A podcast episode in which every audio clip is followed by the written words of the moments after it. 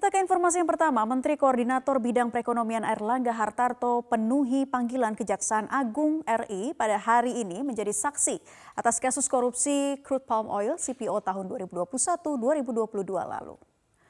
Erlangga hadir di Gedung Bundar Kejagung RI pukul 8.25 waktu Indonesia Barat bersama dengan dua orang pendampingnya. Ia tidak memberikan keterangan apa pun ketika masuk ke dalam gedung. Erlangga tak hadir pada pemanggilan Kejagung 18 Juli lalu.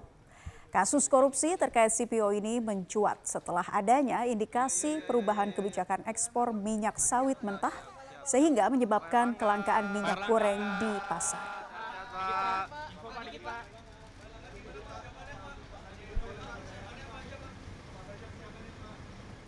Selain Menko Perekonomian, Menteri Komunikasi dan Informatika Ari Budi Setiadi juga hadir di Gedung Utama Kejaksaan Agung RI pada Senin siang pukul 12 waktu Indonesia Barat.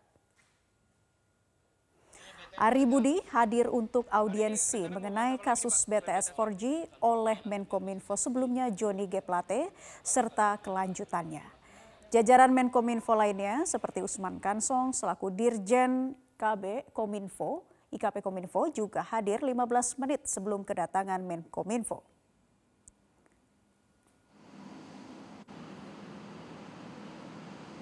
Menkominfo memang sama tim kementerian itu dalam rangka audiensi dan silaturahmi terkait dengan pendampingan dan pengawalan percepatan pembangunan BTS 4G. Nanti untuk lengkapnya nanti saya akan doorstop ya teman-teman. Kalau untuk Kemenpo di gedung utama, karena diperiksa karena di apa di audiensi langsung dengan Pak Jaksa Agung dan jajaran. Nanti kita nanti yang nyampaikan Pak Derdik. Ya. Nanti, nanti, nanti, nanti beliau nanti akan nyampaikan ya. Saya kira itu aja dulu. Ya. Ya, nah ini ini belum. Nanti kan BTS tadi terkait dengan Kemenpo tadi ya termasuk itu yang akan dibahas dalam pertemuan dengan Pak Jaksa Agung. Bagaimana proyek strategi nasional BTS ini bisa dilakukan pengawalan dan pendampingan. Kita ke informasi lainnya, sebuah kapal penyeberangan di Kabupaten Buton Tengah Sulawesi Tenggara tenggelam di Teluk Mawasangka Tengah. 15 orang meninggal dunia, 33 orang selamat dan dua orang dirawat di Puskesmas Mawasangka Timur. Pencarian korban kapal tenggelam di Kecamatan Mawasangka Timur, Kabupaten Buton Tengah, Sulawesi Tenggara dihentikan setelah tim SAR menyatakan korban hilang yang semula disebutkan 19 orang ternyata nihil. Total penumpang sebanyak 48 orang, 15 orang meninggal dunia, 33 orang selamat dan dua orang masih mendapat perawatan medis. Kapolres Buton Tengah AKBP Yana Nurhandiana menyatakan semua penumpang merupakan warga desa Lagili, Kecamatan Mawasangka Timur.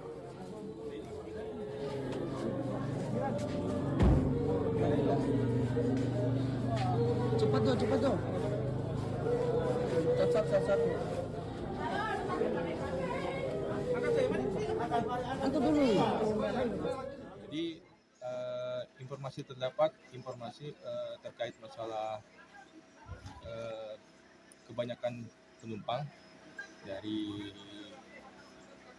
desa Lagili ke Lato-Lato ke Lagili. Pemirsa informasi dari Jendela Nusantara kali ini di mana ada warga yang menemukan puluhan telur buaya di Kabupaten Indragiri Hilir Riau ya. Iya, di Riau ini warga juga berhasil menangkap induk buaya serta mengevakuasinya dari perkampungan warga.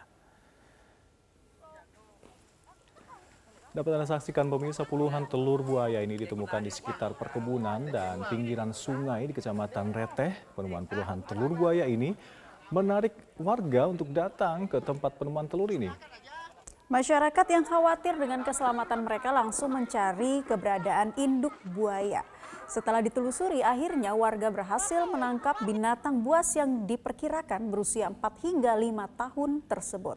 Dan diperkirakan juga pemirsa buaya rawa yang ditemukan berumur 4 hingga 5 tahun ini, penduduk langsung mengevakuasi buaya sepanjang 3 meter ke Balai Besar Konservasi Sumber Daya Alam Riau di Kota Pekanbaru. Ya, dan Kepala Bidang Teknis BKSDA Riau, Ujang Halisudin mengatakan 38 telur buaya yang ditemukan akan ditetaskan selanjutnya tim BKSDA Riau akan melepaskan buaya dan juga bayinya ini ke habitat aslinya.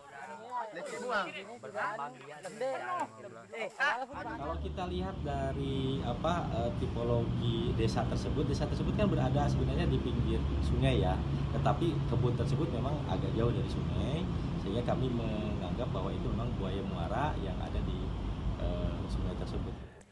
Pemeriksaan saksi terhadap Menko Perekonomian Erlangga Hartarto oleh Kejaksaan Agung menjadi babak baru kasus korupsi pemberian fasilitas ekspor minyak sawit mentah atau CPO. Kasus korupsi CPO ini terkuak sebagai buntut kisru langkanya minyak goreng tahun 2022 lalu. Kejaksaan Agung memanggil Menko Perekonomian Erlangga Hartarto untuk diperiksa sebagai saksi dalam kasus korupsi pemberian fasilitas ekspor minyak sawit mentah atau CPO. Erlangga dimintai keterangan dalam kapasitasnya sebagai Menko Perekonomian terkait prosedur perizinan dan kebijakan kegiatan ekspor impor CPO. Pemanggilan Erlangga merupakan babak baru dari penyelidikan Kejagung atas perkara korupsi izin ekspor CPO dan turunannya periode Januari 2021 hingga Maret 2022. Pada 15 Juni 2023 lalu, Kejagung telah menetapkan tiga korporasi raksasa grup bisnis kelapa sawit, yakni Wilmar, Musimas, dan Permata Hijau sebagai tersangka. Kerugian yang dibebankan berdasarkan putusan kasasi dari Mahkamah Agung yang sudah mempunyai kekuatan hukum tetap adalah 6,47 triliun dari perkara minyak goreng. Ya, saya kira ini yang perlu saya sampaikan.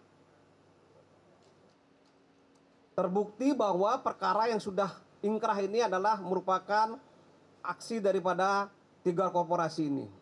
Ya, sehingga pada hari ini juga kami tetapkan tiga korporasi ini sebagai tersangka.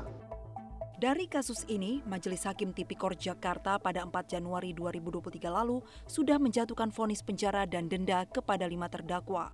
Kelimanya yaitu Indrasari Wisnuwardana, pejabat eselon 1 Kementerian Perdagangan dengan vonis 3 tahun penjara dan denda 100 juta rupiah, subsidiar 2 bulan kurungan. Vonis satu setengah tahun penjara dan denda 100 juta rupiah subsidiar 2 bulan kurungan diberikan kepada Komisaris PT Wilmar Nabati Indonesia, Master Parulian Tumanggor. Vonis satu tahun penjara dan denda 100 juta rupiah subsidiar 2 bulan kurungan masing-masing diberikan kepada Pierre Togar Sitanggang, General Manager di bagian General Affair Musimas. Juga kepada Stan Lima, Senior Manager Corporate Affair Permata Hijau Group, dan Webinanto Halim Jati alias Rinciwe selaku pihak swasta yang diperbantukan di Kemendak. Kelimanya telah terbukti bersalah membuat mahal hingga langkanya minyak goreng di pasaran, serta membuat negara terpaksa menggelontorkan dana ke publik dalam bentuk bantuan langsung tunai sebesar 6,19 triliun rupiah. Kerugian negara atas kasus korupsi CPO ini diketahui mencapai 6,47 triliun rupiah. Dari Jakarta, Tim Liputan, Metro TV.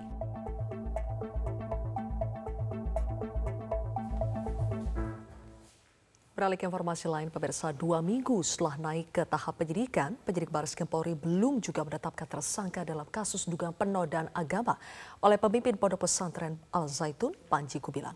Kapolri Jenderal Polisi Listio Sigit Prabowo menyatakan penyidik butuh kehati-hatian dalam mengusut kasus ini.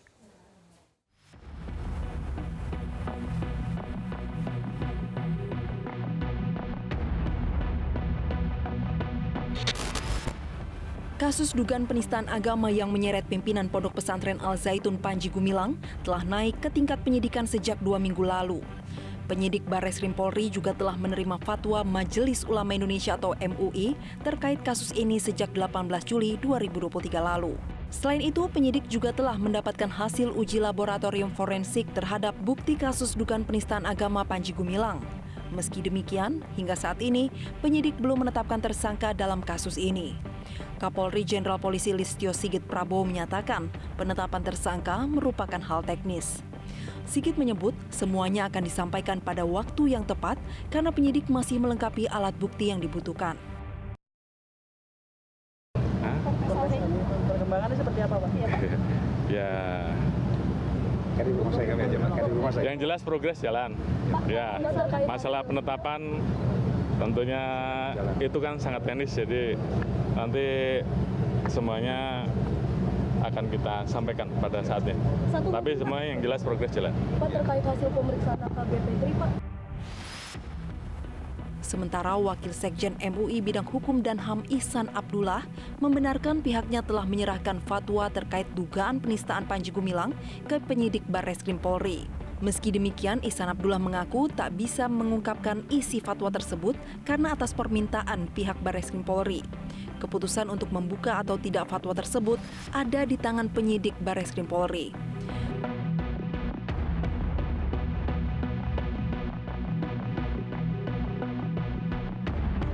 Penyidik Barreskrim Polri mengusut kasus dugaan penistaan agama oleh Panji Gumilang setelah menerima laporan dari sejumlah pihak. Selain kasus dugaan penistaan agama, Barreskrim Polri juga akan mengusut kasus dugaan pencucian uang atau TPPU oleh Panji Gumilang setelah menerima data transaksi pada ratusan rekening milik Panji dari PPATK. Tim Liputan Metro TV.